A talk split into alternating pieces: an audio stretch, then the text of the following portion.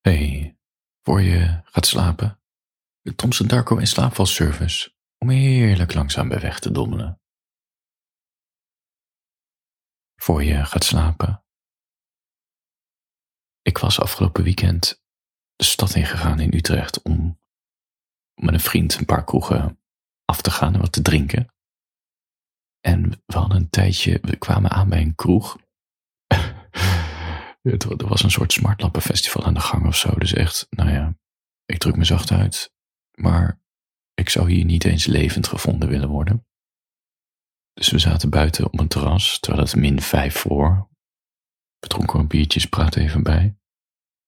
Daarna wandelden we door de stad en besloten we om naar Café België te gaan om even warm te worden. En bibberend van de kou wurmde ik me langs al die mannen in Café België helemaal naar achter, want het zat, de kroeg zat echt stampensvol uh, om naar de toiletten te gaan. En er is altijd, ik weet niet of het jou wel is opgevallen, maar er is altijd een dronken man in een vriendengroep die de behoefte heeft om dan contact te maken met anderen. Zo'n vriendengroep passeerde me en zo'n gast zei, je bril is beslagen. En achterin, net voor het toilet, was een cirkel gevormd rond een tv-scherm een tafel ervoor, uh, speakers met een laptop.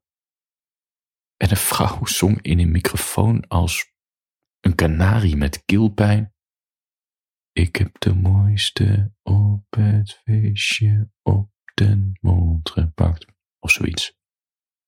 En ik, ben daar ik zit daar te pissen in zo'n chloorpisbak en ik deed mijn hoofd zo naar achteren en ik dacht, ik ben nu Ben Affleck meme geworden. Je weet wel, die als Ben Affleck buiten staat te roken in zo'n kloffie en dan ook zo'n kop trekt. Nou ja, dat was ik. Het is gek om te zeggen, maar de stad ingaan voor mij, dat is een strijd tussen lichaam en geest. Mijn geest wil plezier hebben en ontspannen en praten met vrienden en een paar biertjes drinken en misschien een dansje wagen. Maar mijn lijf die denkt, nou laat ik het zo zeggen, mijn lijf merkt, oké, drukte, alcohol, veel geluid, ver van huis, kortom, gevaar. En ik wil me niet overgeven aan die angst dat mijn lijf geeft, omdat ik dan nooit meer de deur uitkom. Dus ik ben er, biertje in mijn hand, in de drukte, continu te monitoren of de angstgevoelens wegzakken of juist versterkt worden. Het kost energie, het kost zo ontzettend veel energie. En ik loop vanaf dat toilet weer terug door die hele menigte heen. Ik vind mijn vriend die een tafel had gevonden, um, ja, aan de andere kant zat dus een verliefd stelletje met grijze haar en zwarte kleren aan. En ik zeg zo, ja, zal ik even een biertje halen? Ik sluit me aan in die rij. Nou ja, ik wist sowieso niet waar de rij begon en waar mensen gewoon stonden om te ontspannen. Gast voor me in een soort apenpak besteld voor 15 mensen bier. Die hadden zich allemaal buiten opgesteld. En die barman denkt, nou ja, dat dacht ik te zien, maar ik moet nog de hele nacht.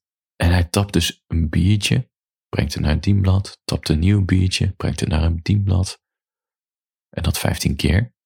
Daarna bestellen allemaal andere mannen voor me biertjes uit Siberië en Japan en Luxemburg en, en Oeganda en weet ik veel wat. Zodat die barvent echt diep uit de krochten van de kelder die biertjes moet halen.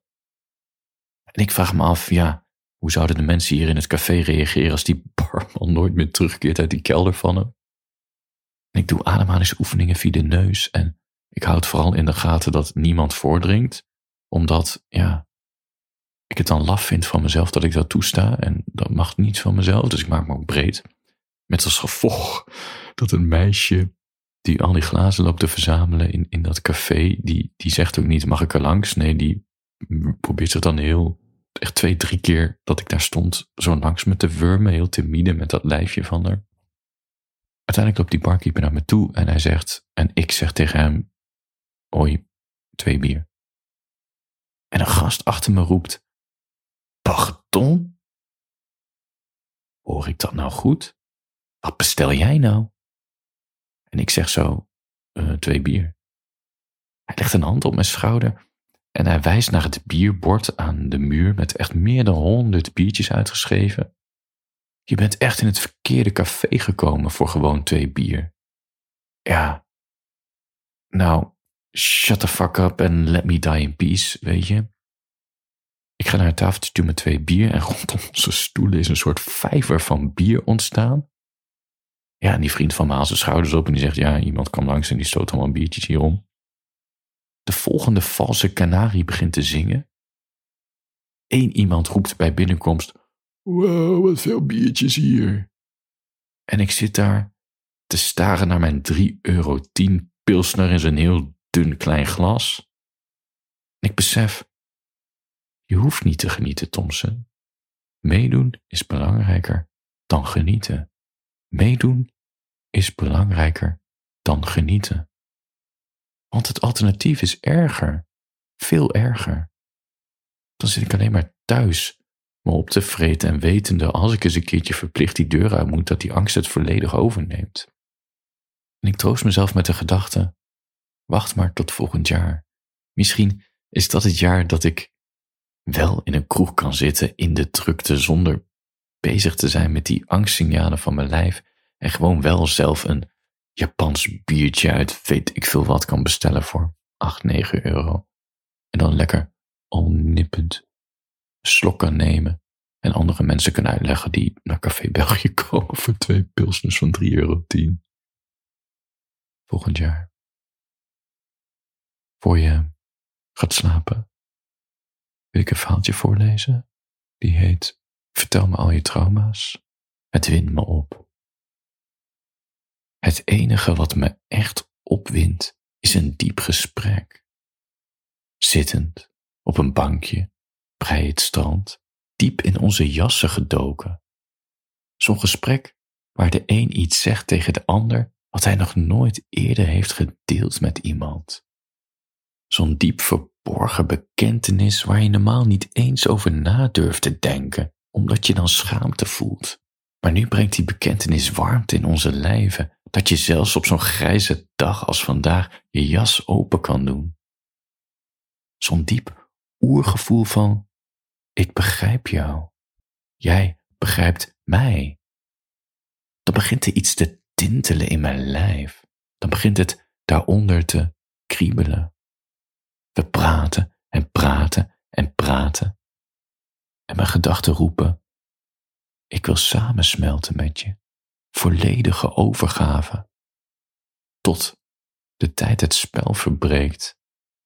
De trein wacht namelijk op niemand. Thuis alleen in bed besef ik dat ik geen fysieke aantrekkingskracht zoek. Het enige wat ik wil is die ware connectie aan de zee herbeleven met jou. Dus ik bel je s'avonds laat op en vraag je, vertel me al je trauma's. Vertel me al je geheimen. Vertel me al je gebreken, alsjeblieft. Het wint me op een hele gekke manier op. Voor je gaat slapen. Wat we om ons heen zien is een toneelstuk van de gelukkige mens. Ik weet niet hoe jij het ervaart, maar kijk op social media of, of films of reclames of, of tijdschriften. Die boodschappen zijn overal hetzelfde. Word de beste versie van jezelf. Leef je droom. Vind je ware liefde. Krijg het perfecte lijf. Om in onszelf op te merken dat wij het nog niet zijn. Het ding is, hoe vaker je een idee tegenkomt, hoe beter we denken het te begrijpen, hoe meer we een voorkeur ervoor krijgen.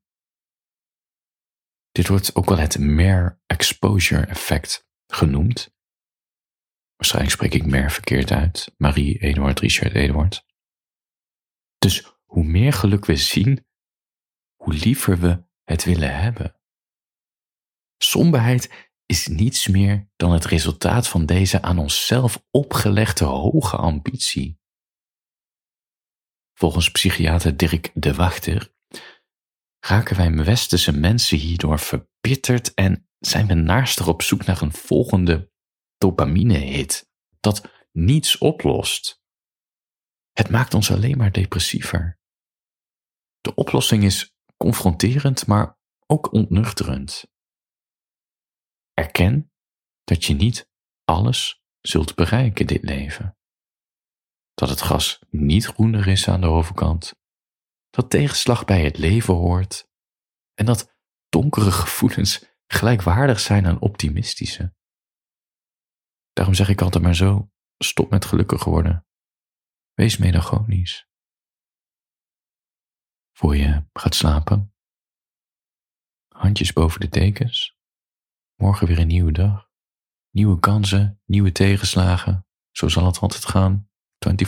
24-7 tot je niet meer wakker wordt. Maar daar ga ik wel vanuit.